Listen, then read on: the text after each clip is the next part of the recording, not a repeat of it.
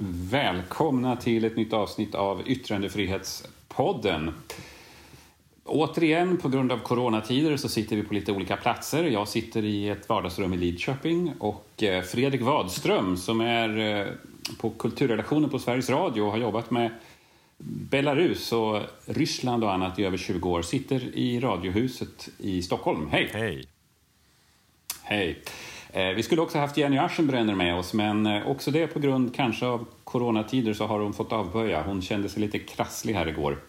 Så att eh, det blir du och jag. Men vi kommer ha ett intressant samtal om utvecklingen i Belarus, Fredrik. Vi har ju hört så himla mycket om det som händer i Belarus på radio inte minst under de senaste dagarna och veckorna. Vad är din bild av den där utvecklingen egentligen? Vad, vad är det som håller på att hända i Belarus? Min bild är att eh, det har byggts upp väldigt länge, men i det tysta, en, eh, ett slags parallellt samhälle till diktaturen. Eh, vi hade ett eh, presidentval 2010 som jag själv var bevakade. På den tiden jobbade jag som korrespondent för Sveriges Radio i, i Moskva. Och åkte och bevakade det presidentvalet som en av få journalister för det var ingen som trodde att det skulle hända något. Jag kommer ihåg att BBC sa nej men varför ska vi åka dit? Jag fattar inte varför du åker. Eh, och eh, när vi väl var där så blev det ju enormt dramatiskt. På ett liknande sätt fast helt annorlunda som nu. Liknande på det sättet att det blev massarresteringar, tortyr, fängslanden, politiska fångar, presidentkandidater som fängslades och så vidare. Och sanktioner som följde på det. Men det var över mycket mm. fortare. Det var liksom som en explosion på valnatten och, och, dagarna som följde och sen var det liksom, tystades det ner. Och sen har den tystnaden varat väldigt länge. Det blev liksom en uppgivenhet. Det var som att fram till mm. dess så fanns det en diskussion. Visst, de hade haft 16 år med Lukasjenko redan då. Men, men då var det ändå så att det fanns fortfarande liksom en debatt om finns det öppningar, finns det en möjlighet till lättnader, ett slags töväder. Allt det där var i luften. Och det tvärdog då den där natten, 19 december 2010. Eh, och sen har, kunde liksom inte den här Eh, oppositionen eller vad ska jag säga, fria krafter i Belarus återhämta sig riktigt utan det händer andra saker under åren. Och istället så riktade människor in sig väldigt mycket. Människor med initiativkraft och, och som ville ha ett intressant samhälle att leva i riktade in sig på väldigt små saker, alltså en slags mikrokosmos av eh, vad kan vi göra? Vi kan öppna ett café, vi kan starta en tidskrift, vi kan eh, göra olika konstprojekt, alltså vad man nu ville göra. Och det där har mm. varit svårt tidigare. Det fanns perioder när, mm. För kanske 15-20 år sedan när det kunde vara så att någon startade en studenttidning och genast kom KGB och bara stängde ner allting och stoppade all utgivning och hotade butiker som sålde den här tidningen direkt. Inte för att det var något politiskt utan för att det var ett, ett initiativ som inte kom uppifrån. Men det där har som liksom luckrats upp. helt enkelt. Ja, det kom underifrån. Och det, det där har luckrats upp under 2010-talet. Och jag måste erkänna att när jag var i, i Minsk i slutet av 2018 då kommer jag ihåg att jag tänkte vad ska de göra med det här? Hur ska de hantera det här? För då hade det gått så långt. Då hade det liksom utvecklats som två parallella världar. Ett, en då mm. hårt kontrollerad diktatur som har ideologikommissarier på universiteten för att se till att allting sköts på rätt sätt och eh, statliga kontrakt som man hotar folk med att de blir av med om de yttrar sig på fel sätt. Och så samtidigt den här andra världen med IT-programmerare och webbyråer och en slags entreprenörsvärld som inte riktigt är direkt kopplad till staten och därmed också verkat lite friare. Så att det har varit en, i, i skuggan av stora utvecklingen i den här regionen någonting som har pågått och jag är inte säker på att alla i Belarus, eller kanske väldigt få i Belarus har varit medvetna om det själva. Fast det är intressant det där, för eh, det verkar som att det har gått lite i vågor men det har alltid funnits något slags, något slags utrymme ändå för oberoende krafter, oberoende röster och yttrandefrihet. Jag var där för 20 år sedan. Eh, det är den enda gången jag har varit i Belarus. Och eh, redan då ble, slogs jag ju faktiskt av hur öppet ändå oppositionen kunde verka. Sen har det gått tillbaka under perioder som du säger. Och jag slogs också av att ja, men det fanns oberoende journalister, det fanns oberoende tidningar Problemet var inte att de inte fick finnas utan då beskar man det på andra sätt genom att ta bort eh, distributionskanalerna till exempel så att de bara kunde säljas i små kiosker i huvudstaden och därför så var det nästan ingen som läste dem. Och den sortens verktyg använde regimen då. Men sen vet jag att det har liksom gått lite fram och tillbaka som du säger, men det verkar ändå hela tiden ändå ha närts en slags motståndsådra i samhället där. Det är ju ett väldigt europeiskt land. Alltså jag brukar säga det att eh, när jag kommer till Belarus så blir jag alltid, alltid lika förvånad över hur hemma jag känner mig. Och det finns många länder och ställen och städer i forna Sovjetunionen som jag har bott kanske i långa perioder och, och varit mycket i som jag känner liksom en stark koppling till och kärlek till. Eh, men ingenstans känner jag mig så hemma som i till exempel Minsk eller, eller en del andra belarusiska mm. städer. För att människorna är väldigt mm. europeiska, har liknande referensramar och sätt att tänka och så. så att det, det, därför så tror jag att, att mycket av det här har hållits igång. Men samtidigt så måste man ju... det är lite blandat, va? eller hur? Visst är det lite blandat? Det är lite som i Iran till exempel. att det finns stora grupper som är otroligt liksom, västernaliserade någonstans, fortfarande där. Men du har också en ganska konservativ grupp som kanske snarare längtar tillbaks till, ja, i det här fallet, Sovjetsystemet. Jo, så har det ju varit och det kanske var ännu starkare tidigare. Det, det, det tror jag också har under 2010-talet, om vi pratar om vad som händer nu, så tror jag också att det mm. har glidit in i bakgrunden mycket mera. Än, alltså att det var lättare för Lukasjenko-systemet på 90-talet att appellera till den typen av stämningar och en bit in på 2000-talet. Men nu har det glidit undan. Jag menar, det är också en fråga om att generationer kommer och går. Det finns färre helt enkelt som har, mm. överhuvudtaget minns Sovjetsystemet eh, eller minns någonting annat än Lukasjenko-åren. Eh, men jag tänker när du säger det här kommer och går, jag tänker att man ska vara lite försiktig där med att säga att det har liksom skiftat över tid. För jag tror att mm. det, det, finns liksom två bilder. Den ena är att, att man ibland lättar på det, öppnar upp och då kommer EU och säger ja men okej, ni har släppt politiska fångar, ja, men då kan vi lätta på sanktionerna. Det är den ena bilden. Men den andra bilden är ju att egentligen har det varit samma. Det är bara det att man har använt så mycket våld och repression som har behövts i stunden. Har det inte behövts, ja, då kan man lätta på det. Men så fort det behövs, mm. då skruvar man åt igen. Så egentligen är det samma regler och samma, samma förtryck. Eh, det är bara att det liksom skiftar i, i, i styrka beroende på vad systemet tycker sig behöva använda. Vilket också påminner om väldigt många andra eh, diktaturer och, och semidiktaturer, eller hur? absolut. Det liknar jättemycket Iran skulle jag säga också, som jag har haft skäl att studera lite. Ja, det kan jag mycket väl tänka mig. Jag har varit i Iran en gång, men jag, jag, jag kan inte systemet så väl. Nej. Eh, men vad är det för metoder man använder då? Om man tittar där, för jag, är själv ganska fascinerad av det här att, att vi brukar bara prata om att ja, men yttrandefriheten är hotad eller här är den inskränkt, men egentligen så är det bara om vi tittar på vilka metoder som används som man ja, dels som man kan förstå hur det går till men också kanske som man kan bygga en spärr mot att det händer här när man ser vilka argument eller vilka metoder som används. Har du koll på det i Belarus? Vad är det liksom för instrument Lukasjenko använder sig av? Om man ser över tid så, jag menar, de var ju tidiga med att lägga under sig då hela medie, det officiella... Ursäkta, jag måste dricka lite vatten. Mm. Det får man göra i en podd. Då tar jag lite kaffe så länge. Ja, men de var ju, systemet, eller regimen, var ju tidig med att eh, lägga under sig så att säga de statliga rikstäckande medierna, de stora tv-stationerna, statliga mm. och radion och så. Och sen så skapar man en propagandaapparat som helt enkelt berättar att världen utanför är farlig och eh, ni ska vara glada att ni lever i det säkra, rena, välstädade och eh, välskötta landet Belarus. Och, och så sänder man väldigt mycket nyheter om hur, hur hemskt det är i grannländer eller i Europa eller i USA och så. Så det är liksom en, en väldigt eh, återkommande berättelse som har, varit, som har pumpats ut under, under alla de här åren med, med Lukasjenko egentligen.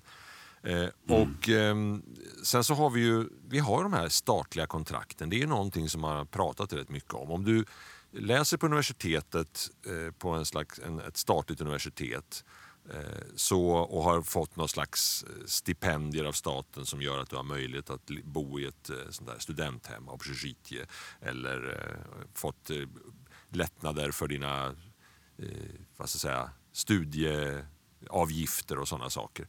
Då har det ju också varit eh, ett krav att du ska jobba två år eh, åt staten efter avslutad utbildning mm. och de skickar dig till speciella ställen och så. Så det har varit en väldigt stark koppling. Och sen när du då, om du blir lärare eller om du blir, jobbar på ett sjukhus eller vad du nu har för jobb så i väldigt många fall under lång tid så har det varit så att det är statliga kontrakt. Och om du inte sköter dig så kan du bli av med det och utestängd från det systemet. Och då kan det vara väldigt svårt att hitta ett annat jobb. Det där har ju varit en väldigt stark eh, återkommande liksom, diskussion om att hur, hur människor som till och med har tyckt väldigt starkt annorlunda mot, mot den rådande politiska linjen inte har haft något mm. utrymme mm. att uttrycka det. Eh, inte minst det här med bostäder. Alltså att man, om du jobbar i ett speciellt företag, statligt företag eller för någon statlig myndighet eller sånt så kanske du har fått din lägenhet genom det arbetet. Mm. Och det har ju kommit med nu också. Det, det har ju återkommit med de som så att säga gick ut och röstade, en del av dem som vanligt fick instruktioner att ja, antingen så röstar du rätt här i valet och visar upp att du har röstat rätt för oss eller också så kan du glömma att bo kvar i den här lägenheten som du har bott i senaste 15 mm. åren med din familj. Eller så. Eh, och likadant med de här, de här pro protesten, de här så att säga, stödmanifestationerna som man har sett eh, som har varit för Lukasjenko. Som har varit väldigt små jämfört med de stora eh, oppositionsprotesterna men ändå. Och där är det mm. också väldigt mycket mm. folk som är anställda och beroende av staten eller har lägenheter genom statliga kontrakt. Det är ju ett väldigt effektivt system så länge det funkar. För det betyder ju att, ja, men lite som mitt intryck var redan för 20 år sedan, att då kan de ju tillåta ett visst mått av yttrandefrihet. Du kan tillåta en viss mått av demonstrationsfrihet och du kan ha oppositionspartier som faktiskt ställer upp mot eh, maktpartiet och presidenten. Men men du har system som gör att du ser till att de faktiskt inte kan vara någon utmanare på allvar. Så är det ju. Det är ju egentligen det optimala, eh, den optimala diktaturen. För du kan alltid hävda att det inte är diktatur. Och det är därför som en del säger att det här med Europas sista diktatur kanske är faktiskt en, en falsk stämpel. Att det kanske är en väldigt modern diktatur. Mm. Det kanske är Europas första moderna diktatur. kanske borde vara ja, en, en bättre stämpel att sätta på, på Belarus. Och att det kanske har fångats upp av andra väldigt auktoritära länder i, i regionen. Azerbajdzjan är ett exempel och Ryssland ett annat som ju har gått mer åt det som Lukasjenko en gång skapade.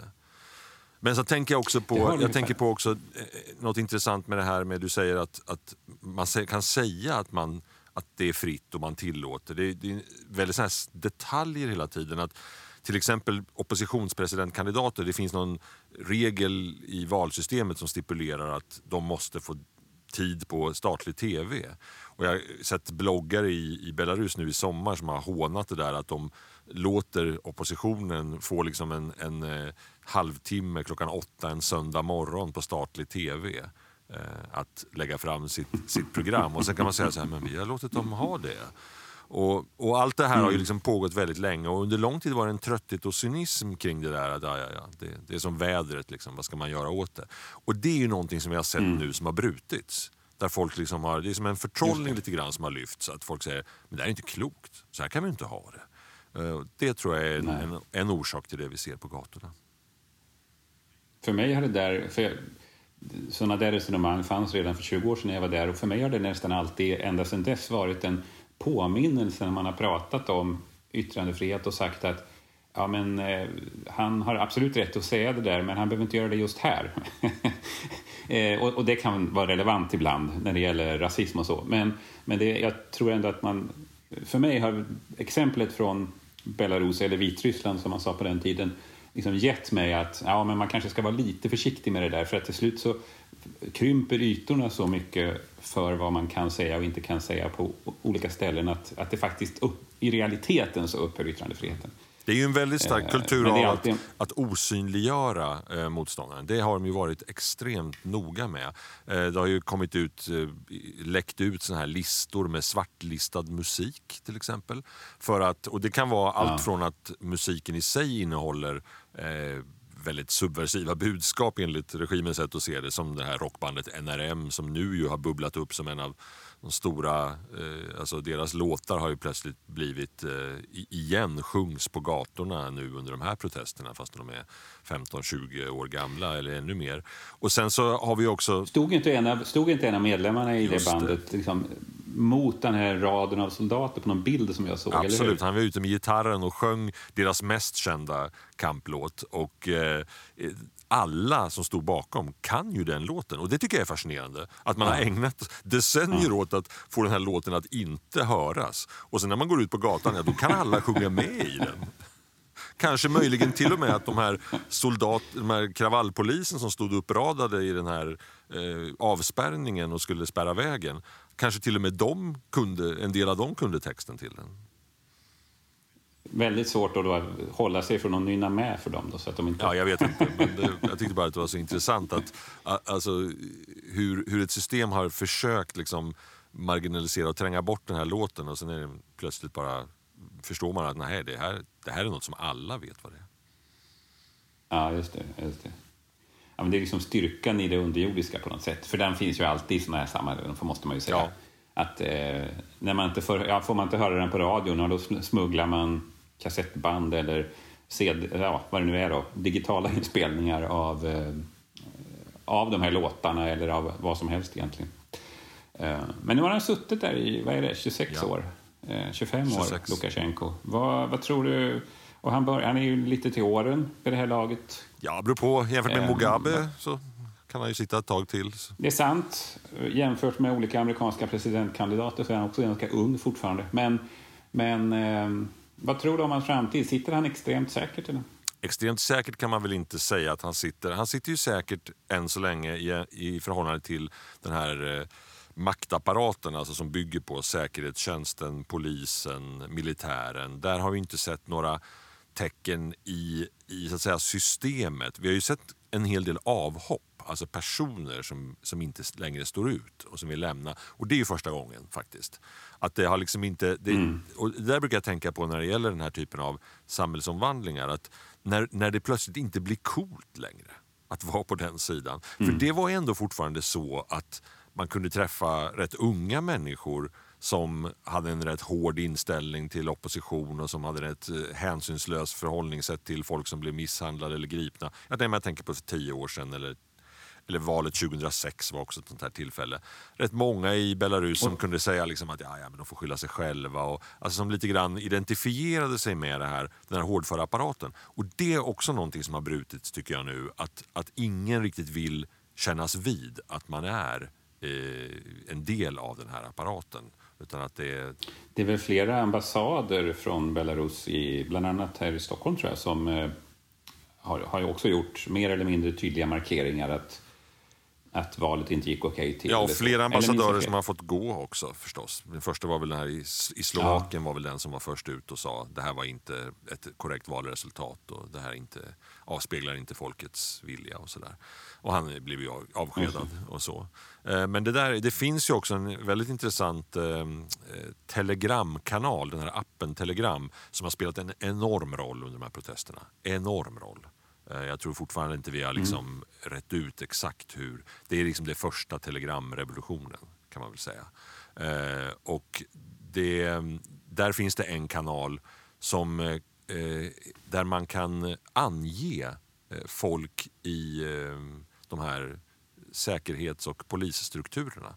Så det kommer hela tiden upp eh, foton och namn på folk och anklagelser om när de har varit inblandade i misshandel av demonstranter, gripanden, eh, vad de har gjort med folk i, i arrestlokaler eller i fängelser. Eh, och eh, tanken tror jag är, från de som håller på med den här svarta listan som de kallar det för, det är att de här listan, listan ska lämnas över till europeiska organ för Jaha. att de ska föras upp på sanktionslistorna. Eh, för att det inte bara ska men, bli, men, eh, inte bara ska bli liksom en liten handfull eh, personer som kanske ändå har det på, sitt, på det torra. Utan att jag menar, belaruserna reser rätt mycket eh, faktiskt, generellt. Mm. Mm. Men telegramkanal, hur funkar det? Jag förstår inte riktigt rent tekniskt. Vad är, det de har, är det någonting på internet eller på Facebook? Ja, nej, Telegram är en egen app. Uh, den skapades av... Uh, ja, ja, ja, okej, nu fattar jag. Ja, ja, ja, då fattar jag. Den, okej. Telegram ja, alltså. Det, ja, ja. Appen, appen telegram. telegram. Och det var ju två ryssar som skapade, ja, två bröder som skapade den för sju år sedan.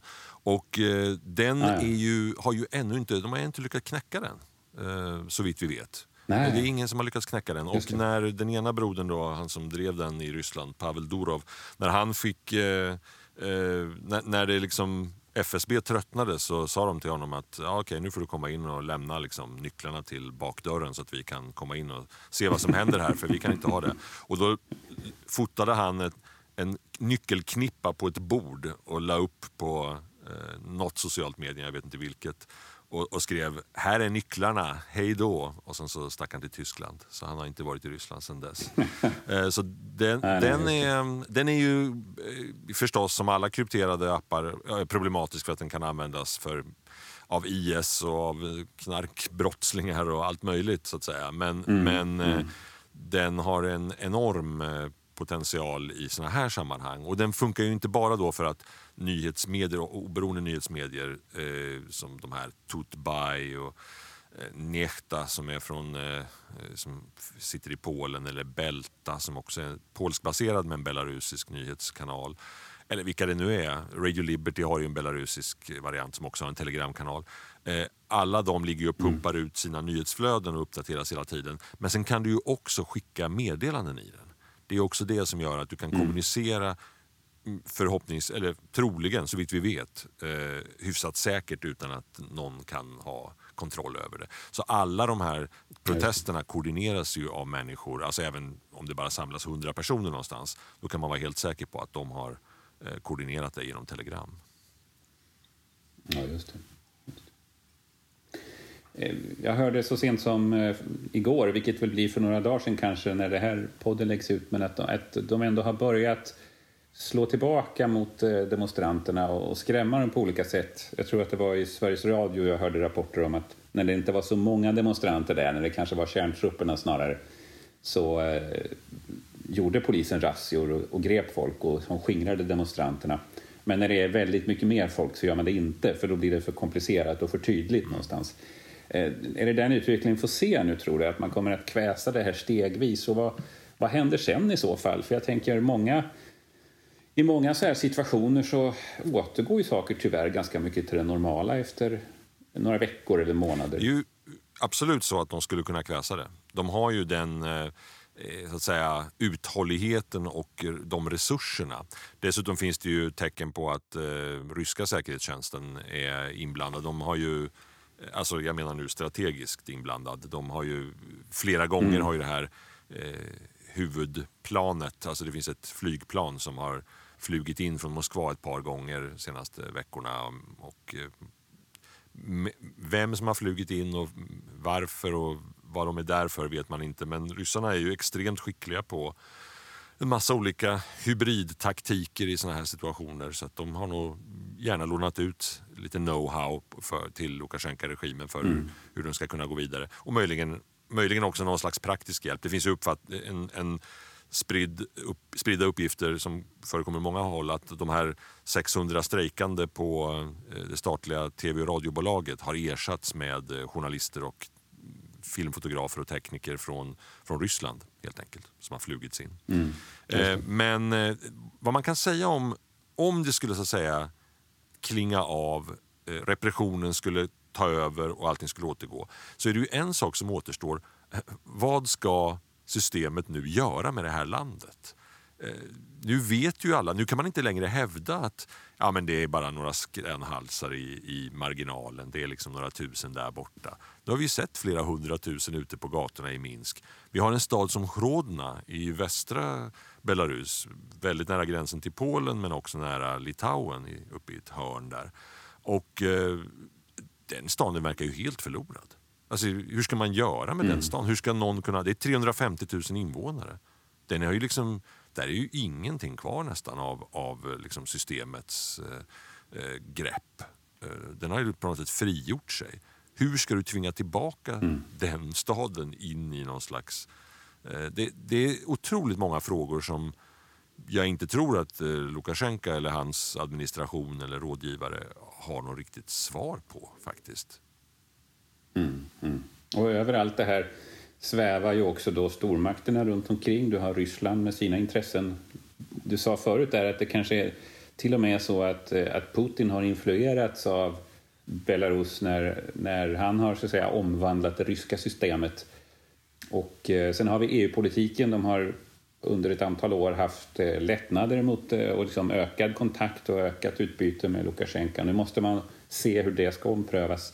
Det blir ett antal ganska avgörande steg, tänker jag, under det närmaste året eller så som, som i de olika omkringliggande ländernas och unionernas liksom, samarbete med Ja, och det blir ett väldigt avgörande steg också för människorna som bor där. För att många som tidigare kände sig ganska ensamma, till och med om de kanske inte var det, om det de tyckte och kände, eh, de vet ju nu att det inte är så. Alltså det är ju en väldigt eh, mm. tydlig eh, kunskap som har spritt sig i samhället. Att människor kan gå ut och märka att ja, de träffar liksom ingen som håller med dem. Som håller med om att Lukasjenko skulle vara det, det, säkraste och bästa och garanten för stabilitet och, och, och välgång så att säga för landet. Och det där eh, mm. var ju väldigt intressant att, att se eh, för tio år sedan då när det var det här eh, valet eh, som, som slogs ner hårt 2010. Då, då, redan då tyckte jag att det var ganska uppenbart att Lukasjenko hade tappat Minsk.